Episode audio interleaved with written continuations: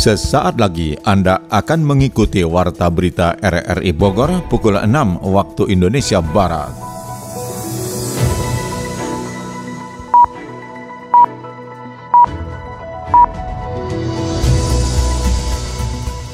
Selamat pagi.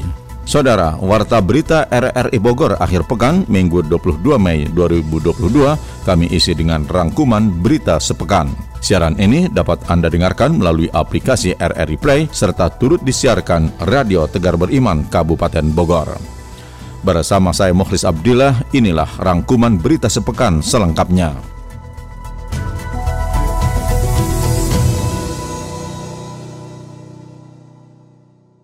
Saudara, rangkuman berita sepekan kita awali dari Gunung Sindur, Kabupaten Bogor, di mana aksi kriminal geng motor kembali terjadi. Kali ini mereka melempari sebuah bus dengan batu seperti dilaporkan Yopri Haryadi. Aksi sadis komplotan geng motor kembali terekam kamera warga dan menjadi viral di media sosial, di mana dalam rekaman tersebut terlihat sebuah bus wisata yang dilempari batu, yang diduga peristiwa tersebut terjadi di sekitar Jalan Gunung Sindur, Kabupaten Bogor. Sementara terkait hal itu, Kapolsek Gunung Sindur Kompol Birman Simanulang membenarkan kejadian tersebut dan mengungkapkan kronologis peristiwanya. Menurutnya, peristiwa tersebut terjadi pada Minggu 15 Mei dini hari. Dari laporan yang diterimanya, ada sekitar empat pengendara motor yang sedang trek-trekan dan mencoba menghentikan sebuah bus dari arah simpang Pasar Perumpung, akses Puspitek ke arah Tangerang, Banten. Para pemotor yang mengejar bus wisata mengaku tersenggol bagian belakang bodi bus wisata bermuatan 60 orang. Merasa tidak menyenggol apalagi menabrak iring-iringan pemotor, sopir pun melanjutkan perjalanannya. Bus wisata itu pun dilempari batu hingga bagian kaca samping bus pecah. Sekitar ada 60 orang, 50 orangan lah, 60 orang penumpangnya. Mereka juga mungkin udah emosi juga. Nah, ini begitu lihat penumpangnya banyak turun, juga mereka langsung kabur. Saat itu, sopir mencoba menghentikan bus dan hendak menemui pelaku pelempar batu. Saat yang bersamaan juga, puluhan para penumpang bis ikut turun bersama sopir dan akhirnya para geng motor itu pun berbalik arah. Hingga saat ini, Polsek Gunung Sindur masih melakukan pendalaman dan pengungkapan aksi pelemparan bus wisata di wilayah hukumnya sampai sekarang intinya sampai sekarang kita masih penyelidikan uh, kita juga udah lapor ke beliau ke Bapak Kapolres. Uh, atensi Bapak uh, segera dicari diselidiki ditangkap itunya pengrusak kafe Kuat dugaan pelaku adalah kelompok begal yang kerap beroperasi di wilayah perbatasan Banten dan Bogor. Beruntung dalam kejadian tersebut tidak ada korban luka dan bus pun melanjutkan perjalanan menyusul dengan membuat laporan polisi. Mengantisipasi wabah penyakit mulut dan kuku atau PMK, Dinas Ketahanan Pangan dan Pertanian Kota Sukabumi melakukan pengecekan hewan ternak di pasar hewan. Selengkapnya mengenai hal itu dilaporkan Adi Fajar Nugraha. Dinas Ketahanan Pangan, Pertanian, dan Perikanan Kota Sukabumi melakukan pemantauan dan pencegahan penyakit mulut dan kuku atau PMK di pasar-pasar hewan di setempat. Pengecekan dilakukan dengan melibatkan petugas kesehatan dan dokter hewan serta kepolisian. Kepala DKP 3 Kota Sukabumi Andri Setiawan menjelaskan pengecekan dilakukan secara rutin untuk pencegahan dini wabah penyakit mulut dan kuku pada hewan. Pihaknya juga berkoordinasi dengan wilayah tetangganya seperti Kabupaten Sukabumi, Bogor, dan Cianjur untuk memastikan ternak yang masuk dan keluar kota Sukabumi telah tersertifikasi kesehatannya. Mudah-mudahan di kota Sukabumi tidak terjadi PMK dan mengharapkan dari Dinas Peternakan Kabupaten Sukabumi dan Dinas Kabupaten tetangga kita Cianjur tidak ada lockdown. Nah, tetapi kita ada penyekatan-penyekatan khususnya apabila masuk ke wilayah kota Sukabumi harus ada surat kesehatan, keterangan kesehatan hewan. Dan selanjutnya juga kita diperiksa di sini. Kalau saya tadi lihat contoh itu bukan berarti sakit PMK tetapi jika ada cacing atau dia kembung atau dia uh, masuk angin, tetapi tidak masuk damai. Sementara itu saat monitoring di wilayah Citamiang, Kota Sukabumi, Kapolsek Citamiang AKP Arif Sapta mengaku pihaknya telah mengumpulkan para pedagang hewan untuk memberikan edukasi pencegahan PMK. Ia pun meminta masyarakat tidak melakukan jual beli di luar pasar hewan yang telah dimonitor oleh pemerintah Kota Sukabumi guna memastikan kondisi kesehatan hewannya.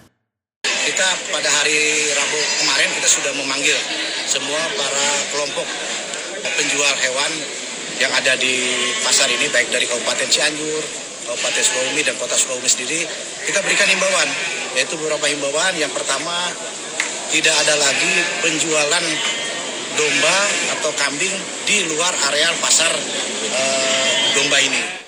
Kegiatan pemantauan ini bertujuan untuk mengidentifikasi dan mensosialisasikan kemunculan penyakit PMK pada hewan ternak. Untuk mengantisipasi meluasnya penyakit tersebut, DKP 3 Kota Sukabumi telah membuat edaran serta pemantauan di pasar hewan. Sejauh ini pun Kota Sukabumi bebas dari wabah PMK, namun Pemkot Sukabumi akan terus memantau secara rutin dan melakukan pencegahan di setiap wilayah yang memiliki pasar hewan. Antisipasi yang sama juga dilakukan dinas terkait di Kabupaten Bogor terhadap hewan ternak yang masuk dari Jawa Timur atau Aceh seperti dilaporkan Yofri Haryadi.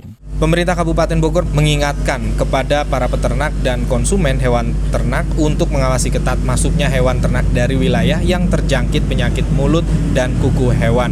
Setiap hewan yang masuk dari Jawa Timur atau daerah istimewa Aceh harus dilengkapi dengan surat keterangan sehat hewan KSH dari Dinas Pertanian dan Peternakan setempat sehingga hewan kurban yang nantinya dikonsumsi oleh masyarakat Kabupaten Bogor aman dan asuh. Hal tersebut diungkapkan Kepala Dinas Peternakan dan Perikanan Kabupaten Bogor Oce Subagja. Oce mengatakan untuk tidak memulangkan begitu saja hewan ternak yang sudah masuk di Kabupaten Bogor karena akan membebani penjual. Akan tetapi wajib untuk memeriksakan hewan ternak tersebut kepada dinas setempat atau dokter hewan yang berkompeten. Alhamdulillah kita juga siap dengan tim kita, tim beraksi cepat di dalam proses pelaksanaan penanganan hmm. uh, eh, PMK tersebut. Jadi kalaupun ada gejala-gejala tersebut, kita sudah siapkan tim yang nanti ketika memang ada informasi kita akan turun ke lokasi. Kepala UPT kita minta ketika liburan pun mereka harus siap untuk penanganan penyakit PMK tersebut. Selain waspada dengan penyakit mulut dan kuku hewan ruminasia, hal yang penting harus dilakukan adalah penerapan biosecurity, seperti meningkatkan sanitasi kandang, kegiatan karantina hewan ternak yang baru didatangkan dari luar daerah, penggunaan peralatan kebersihan dan kesehatan meliputi disinfektan dan mengisolasi hewan ternak yang sakit agar tidak menularkan penyakit kepada hewan ternak lainnya. Oce Subagja menambahkan, sejauh ini belum ada temuan klasifikasi penyakit hewan menular di Kabupaten Bogor. Alhamdulillah belum. Mohon doanya jangan sampai ada karena kita selalu berusaha untuk meningkatkan pelayanan pada masyarakat dan insya Allah nanti juga kita lakukan tim uh, turun ke jalan di dalam melihat kondisi pasar hewan. Masyarakat kita minta untuk mendata semua hewannya. Hmm. Kalau misalnya ada indikasi PMK dilaporkan. Kemudian kandang harus steril gitu loh Pak. Di Jawa Barat ada terindikasi 622 hewan ternak khususnya sapi yang tertular penyakit kuku dan mulut. Dari jumlah tersebut 200 di antaranya sudah sembuh. Temuan tersebut berada di Kabupaten Garut, Tasikmalaya, Sumedang, Kuningan, Kota Tasikmalaya, dan Kota Banjar. Oce memastikan hewan dengan kondisi terkena penyakit mulut dan kuku masih dapat dikonsumsi asalkan dengan proses pemasakan khusus seperti digoreng, bakar, atau direbus dengan suhu yang tinggi.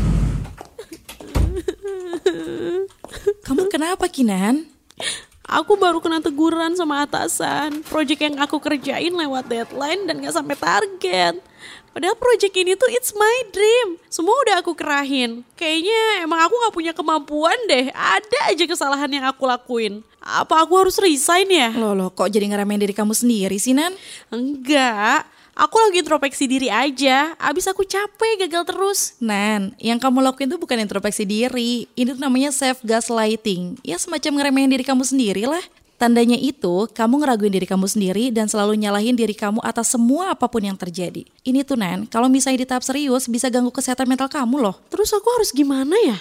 Kamu kan udah usaha juga nggak diem aja. Yang paling penting, kamu tuh harus berhenti nyalahin diri kamu sendiri. Oke, fine Lydia. Udah ah, mending kita makan dulu aja yuk. Iya deh, lapar. Bawaslu Kota dan Kabupaten Bogor mempererat persahabatan terkait tugas-tugas pengawasan lewat safari partai politik. Sony Agung Saputra menurunkan catatannya. Menjelang tahapan pemilu 2024, Badan Pengawas Pemilu Bawaslu Kota dan Kabupaten Bogor melakukan berbagai cara untuk meningkatkan pengawasan partisipatif kepada peserta pemilu di bidang partai politik. Hal itu terlihat saat adanya safari partai politik di semua wilayah Bawaslu Kota dan Kabupaten Bogor. Ketua Bawaslu Kota Bogor Justinus Eliau mengungkapkan safari partai politik ini untuk melihat kembali rangkaian agenda yang akan berlangsung sekaligus memonitoring kesiapan peserta pemilu agar terjadi pengawasan yang lebih intensif saat berlangsungnya agenda nanti. Rangkaian pemilu legislatif kepala daerah hingga presiden harus berjalan dengan sukses sehingga pihaknya melakukan berbagai upaya melihat kembali persiapan menuju tahapan. Intinya, bahan safari tersebut akan menjadi evaluasi dari Bawaslu yang akan dibawa dalam rapat kerja bersama KPU. Safari ke partai politik itu sekali itu tujuannya untuk silaturahmi sekaligus untuk memberitahu atau sosialisasi bahwa tahapan pemilu yang dilakukan oleh pengawasan pemilu itu adalah regulasi dari awal sampai akhir sehingga peran partai politik itu sudah mengerti belajar dari pengalaman kemarin 2011 kemarin itu banyak partai politik bertanya-tanya seolah-olah Bawaslu tidak memberikan tentang bagaimana tahapan pengawasan apa saja yang tidak boleh dilakukan, apa saja pencegahannya. Nah, itu yang kita sosialisasikan dalam silaturahmi kepada partai politik yang dilakukan oleh Bawaslu dalam bentuk safari ke partai politik tidak lepas dari itu untuk kepentingan partai. Sementara itu anggota Bawaslu Kabupaten Bogor Burhanuddin memandang safari partai politik ini untuk menyiapkan sumber daya manusia dari peserta pemilu terutama calon legislatif yang mumpuni sehingga bisa membawa aspirasi masyarakat saat duduk menjadi wakil rakyat. Peserta pemilu yang berkompeten dan berkomitmen untuk menjaga marwah transparansi nilai-nilai demokrasi tanpa adanya money politik menjadi dambaan masyarakat sehingga dengan adanya pengawasan dari Bawaslu dapat lebih mengarahkan pada tujuan tersebut. Kalau hemat saya ya dengan kondisi luas wilayah Kabupaten Bogor, memang kan tantangan untuk semua pihak lah, baik Bawaslu, KPU, termasuk partai politik. Nah, tinggalkan bagaimana mereka ini bisa menunjukkan gitu soal bagaimana kepercayaan masyarakat terhadap partai politik betul-betul ada. Gitu. Ya tentunya kan dengan memunculkan calon-calon juga yang legitim, calon-calon yang berkualitas. Artinya memang harus betul-betul dimulai dari proses verifikasi calon anggota legislatif itu betul-betul selektif gitu sehingga memang yang muncul itu memang orang-orang yang diharapkan oleh masyarakat. Safari partai politik itu juga akan menjadi bahan untuk membahas berbagai agenda termasuk isu aktual yang saat ini mengemuka untuk menjadi salah satu masukan dan upaya mencari solusi dari berbagai permasalahan yang ada sehingga sinergitas tetap terjalin antar semua komponen. Selain fungsinya sebagai riset, konservasi, jasa lingkungan, edukasi dan wisata, pengelolaan kebun raya akan didorong dan diintegrasikan dengan Science Center di daerah di mana kebun raya berada sebagai tempat pemberdayaan ekonomi UMKM di daerah masing-masing berbasis teknologi sebagai penguatan ekonomi lokal sehingga program kebun raya menjadi lebih multidimensi termasuk untuk tempat berkesenian. Kepala Badan Riset dan Inovasi Nasional BRIN, Laksana Tri Handoko saat meresmikan wahana edukasi Gria Anggrek Kebun Raya Bogor awal pekan ini menegaskan kebun raya harus menjadi pusat aktivitas ekonomi, edukasi dan lainnya bukan sekedar konservasi. Ini adalah pendekatan baru karena pengalaman kita dari pandemi dua tahun belakangan ini cukup berat bagi para pengelola kebun raya sehingga ke depan kebun raya yang ada akan ditingkatkan menjadi pusat aktivitas umum. Guna mendukung strategi besar BRIN secara nasional dalam meningkatkan cakupan hijau dan meningkatkan posisi Indonesia terkait perdagangan karbon, BRIN tambah laksana akan mendorong lahan kosong yang tidak terlalu dikelola dan dimiliki satu institusi menjadi kebun raya. Ikatan Dokter Indonesia IDI Kota Bogor menyambut baik pelonggaran pemakaian masker, namun harus dibarengi dengan kepatuhan hidup bersih dan sehat masyarakat. Catatan selengkapnya disampaikan Sony Agung Saputra. Instruksi Presiden Joko Widodo untuk relaksasi masker dengan memperbolehkan melepas di ruang terbuka dengan syarat tidak sedang batuk pilek dan tidak dalam keramaian mendapat tanggapan positif dari Ikatan Dokter Indonesia Kota Bogor. Ketua Ikatan Dokter Indonesia yang juga Direktur RSUD Kota Bogor Ilham Haidir menjelaskan kasus COVID-19 untuk periode setelah lebaran memang sudah jauh menurun. Bahkan untuk rumah sakit umum daerah hanya menangani satu pasien lama yang kondisinya cenderung membaik. Menurutnya masyarakat harus mengikuti seluruh anjuran yang sudah ditetapkan dengan mematuhi anjuran untuk tetap hidup bersih dan sehat sehingga tidak ada lagi penambahan kasus COVID-19.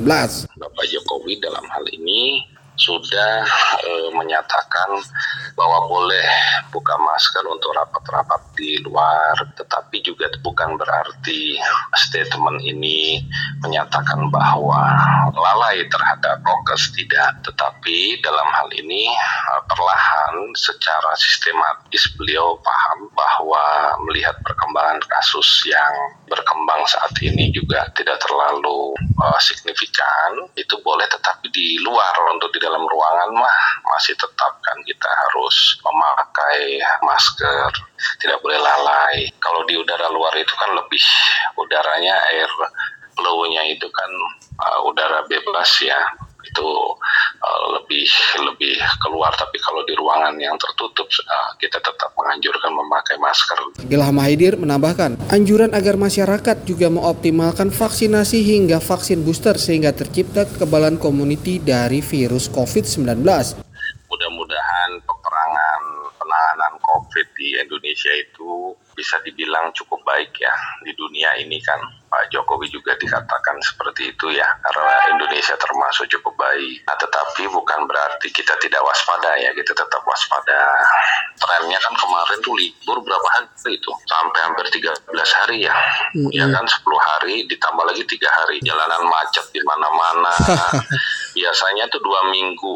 Nah berarti kan pasca Lebaran itu kasus meningkat ya kalau pada Alpha, Delta, Omikron itu udah panen. Tapi kasus sampai saat ini masih uh, apa namanya aman ya terkendali ya nol ya. Jadi saya pikir uh, di RSUD pun hanya sisa satu pasien yang lama ya. Mudah-mudahan kalau melihat kondisi saat ini dengan cakupan imunisasi yang gencar dilakukan di daerah-daerah di seluruh Indonesia, terutama kota Bogor ya. Sementara itu para medis di semua rumah sakit diharapkan tetap siaga menghadapi berbagai kemungkinan termasuk jika kembali adanya lonjakan kasus COVID-19 sehingga bisa cepat tertangani dengan menyelamatkan jiwa masyarakat dari bahaya pandemi yang saat ini masih berlangsung. Wali Kota Bogor Bima Arya menilai Kebun Raya Bogor sebagai jantung dan pori-pori Kota Bogor sehingga dirinya ingin mempertahankan sekaligus memperkuat hal itu. Ia pun ingin sentuhan berbeda dengan mengakomodasi nuansa budaya kesenian atau tradisi Sunda yang bisa dilihat dan dirasakan. Terkait itu, Bima meminta BRIN agar di beberapa titik di pusat konservasi itu diberikan ruang ekspresi bagi para budayawan atau seniman dan ia bersyukur permintaannya itu disetujui dan direspon dengan sangat baik oleh Kepala BRIN yang akan mempersiapkan beberapa titik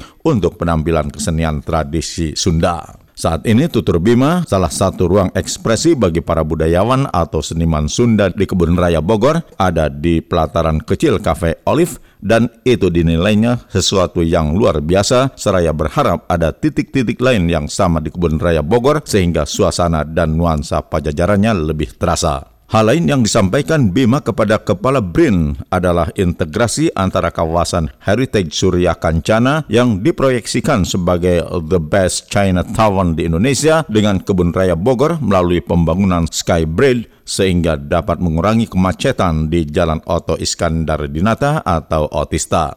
Terkait rencana integrasi itu, Bima berharap ada pembicaraan lebih lanjut untuk pembahasannya dan diharapkan rencana itu bisa terlaksana tahun depan. Atas rencana tersebut, Kepala BRIN Laksana Trihandoko menyatakan dukungannya dan siap mewujudkannya. Saudara, Anda tengah mendengarkan rangkuman berita sepekan dari Radio Republik Indonesia Bogor. KPAI Kota Bogor meminta orang tua dan lingkungan memberikan perhatian khusus terhadap pola asuh perlindungan anak. Kita simak catatan Adi Fajar Nugraha. Komisi Perlindungan Anak Indonesia KPAI Kota Bogor menyoroti soal pola asuh dalam perlindungan anak menyikapi kasus penculikan belasan anak yang terjadi di Jakarta dan di Bogor. Ketua KPAI Kota Bogor Dudi Syarudin menjelaskan, di lingkungan keluarga, orang tua perlu mendampingi anak-anaknya di setiap momen di mana anak itu perlu dilakukan pengawasan. Sebab sebab pelaku kejahatan terlebih predator anak dapat beroperasi di mana pun berada, sekalipun melalui media sosial. Untuk itu perhatian dan kasih sayang orang tua lanjut Dudi perlu diberikan terhadap anak-anak yang menjadi kelompok rentan terhadap kejahatan seksual. Kenapa pentingnya adanya perlindungan untuk anak? Anak itu salah satu kelompok yang rentan. Tentu saja mereka tidak boleh dibiarkan sendiri dari jati dirinya, melakukan berbagai aktivitasnya. Inilah poin di mana kita jangan sekali-sekali lengah. Kelompok rentan ini, salah satunya adalah anak-anak, harus terus dilindungi, harus terus diberikan edukasi. Jadi ini kan poinnya, tetap pengawasan dari keluarga, pengasuhan dari keluarga. Bukan hanya dari lingkungan keluarga, Dudi menambahkan peran serta lingkungan melalui aparat kewilayahan juga penting untuk mencegah terjadi kejahatan anak. KPI Kota Bogor dikatakannya juga telah berkoordinasi dengan seluruh kelurahan untuk memberikan pengawasan terhadap kegiatan anak-anak di luar rumah. Ya kami e, bersama aparat-aparat wilayah di lingkungan, terutama di kelurahan, RT RW juga berkoordinasi kita terus mengingatkan, mengedukasi masyarakat lewat PATBM namanya. Perlindungan anak terpadu berbasis masyarakat. Jadi artinya lingkungan juga harus mendukung kondusivitas terhadap pergaulan ataupun e, berbagai aktivitas anak-anak di lingkungan. Jadi artinya lingkungan juga harus disiapkan bagaimana menerima berbagai hal. Ya kalau seandainya mereka katakanlah di rumah selama hampir dua tahun sekarang banyak di luar. Nah tentu saja ini kan lingkungan harus membuat kondisivitas ini terjadi. Pada hakikatnya pemerintah pun harus menjamin keamanan setiap aktivitas anak di ruang publik dari segala tindak kekerasan dan hal-hal lain yang membahayakan anak. Anak-anak harus mendapat rasa aman ketika berada di lingkungan masyarakat, sekolah, dan ruang publik mana pun. Kementerian Pemberdayaan Perempuan dan Perlindungan Anak pun turut merespon kasus penculikan dan pencabulan terhadap 12 anak di Bogor dan Jakarta dengan meminta pelaku ditindak secara tegas sesuai dengan undang-undang yang berlaku. Setelah rehat pasca Ramadan dan Idul Fitri 1443 Hijriah, kajian subuh kembali digelar di Masjid At-Taqwa Balai Kota Bogor. Kajian rutin mingguan setiap Jumat itu kembali dilaksanakan pada minggu ketiga bulan ini yang menjadi edisi pertama setelah Ramadan dan Idul Fitri. Setelah melaksanakan sholat subuh berjamaah, Wali Kota Bogor Bima Arya bersama Sekda Syarifah Sofia dan para kepala organisasi perangkat daerah OPD di lingkungan Pemkot Bogor mengikuti kajian subuh. Kajian tersebut menghadirkan Kepala KUA Kecamatan Bogor Utara, Subhan Syarif, sebagai penceramah yang membahas taubat dalam kitab Riyadus Salihin. Kepala Disduk Capil Sejatmiko Baliarto, Kepala Bapeda Rudi Mashudi, dan Kadispora Heri Karnadi saat itu diberi kesempatan membacakan hadis-hadis tentang taubat. Subhan mengatakan dalam sebuah hadis dikatakan bahwa Allah Subhanahu wa taala sangat senang dengan taubat hambanya bahkan senangnya melebihi kegembiraan seseorang di antara kalian yang menemukan kembali untanya yang telah hilang di suatu tanah yang luas. Sebagai perusahaan yang bergerak di bidang industri olahraga atau sport industry, Pakuan Football Enterprise memiliki visi membangun sepak bola Indonesia tak terkecuali sepak bola Kota Bogor. Saat beraudiensi dengan Wali Kota Bogor di Balai Kota pertengahan pekan ini, CEO Pakuan Football Enterprise Dodi Irwan Suparno mengatakan pihaknya sudah mempunyai rencana besar membawa pemain sepak bola dari Kota Bogor dan Indonesia bermain di benua Eropa. Keinginan tersebut bukan tanpa alasan. Pasalnya, perusahaan industri olahraga tersebut sudah memiliki sebagian saham di salah satu klub sepak bola di Liga 2 Portugal Estrela Amadora. Klub tersebut bisa menjadi salah satu tempat pemain Indonesia bermain di Eropa. Ia menargetkan 5 hingga 10 tahun ke depan ada pemain Indonesia yang bermain di Champion Liga dan menjadi kebanggaan Indonesia. Bersama pemerintah Kota Bogor, pihaknya ingin menjalankan kegiatan football tourism, yakni mengajak orang-orang luar Kota Bogor untuk bermain sepak bola di Kota Bogor, sekaligus bisa kuliner dan menginap di Kota Bogor agar ekonomi di Kota Hujan semakin menggeliat.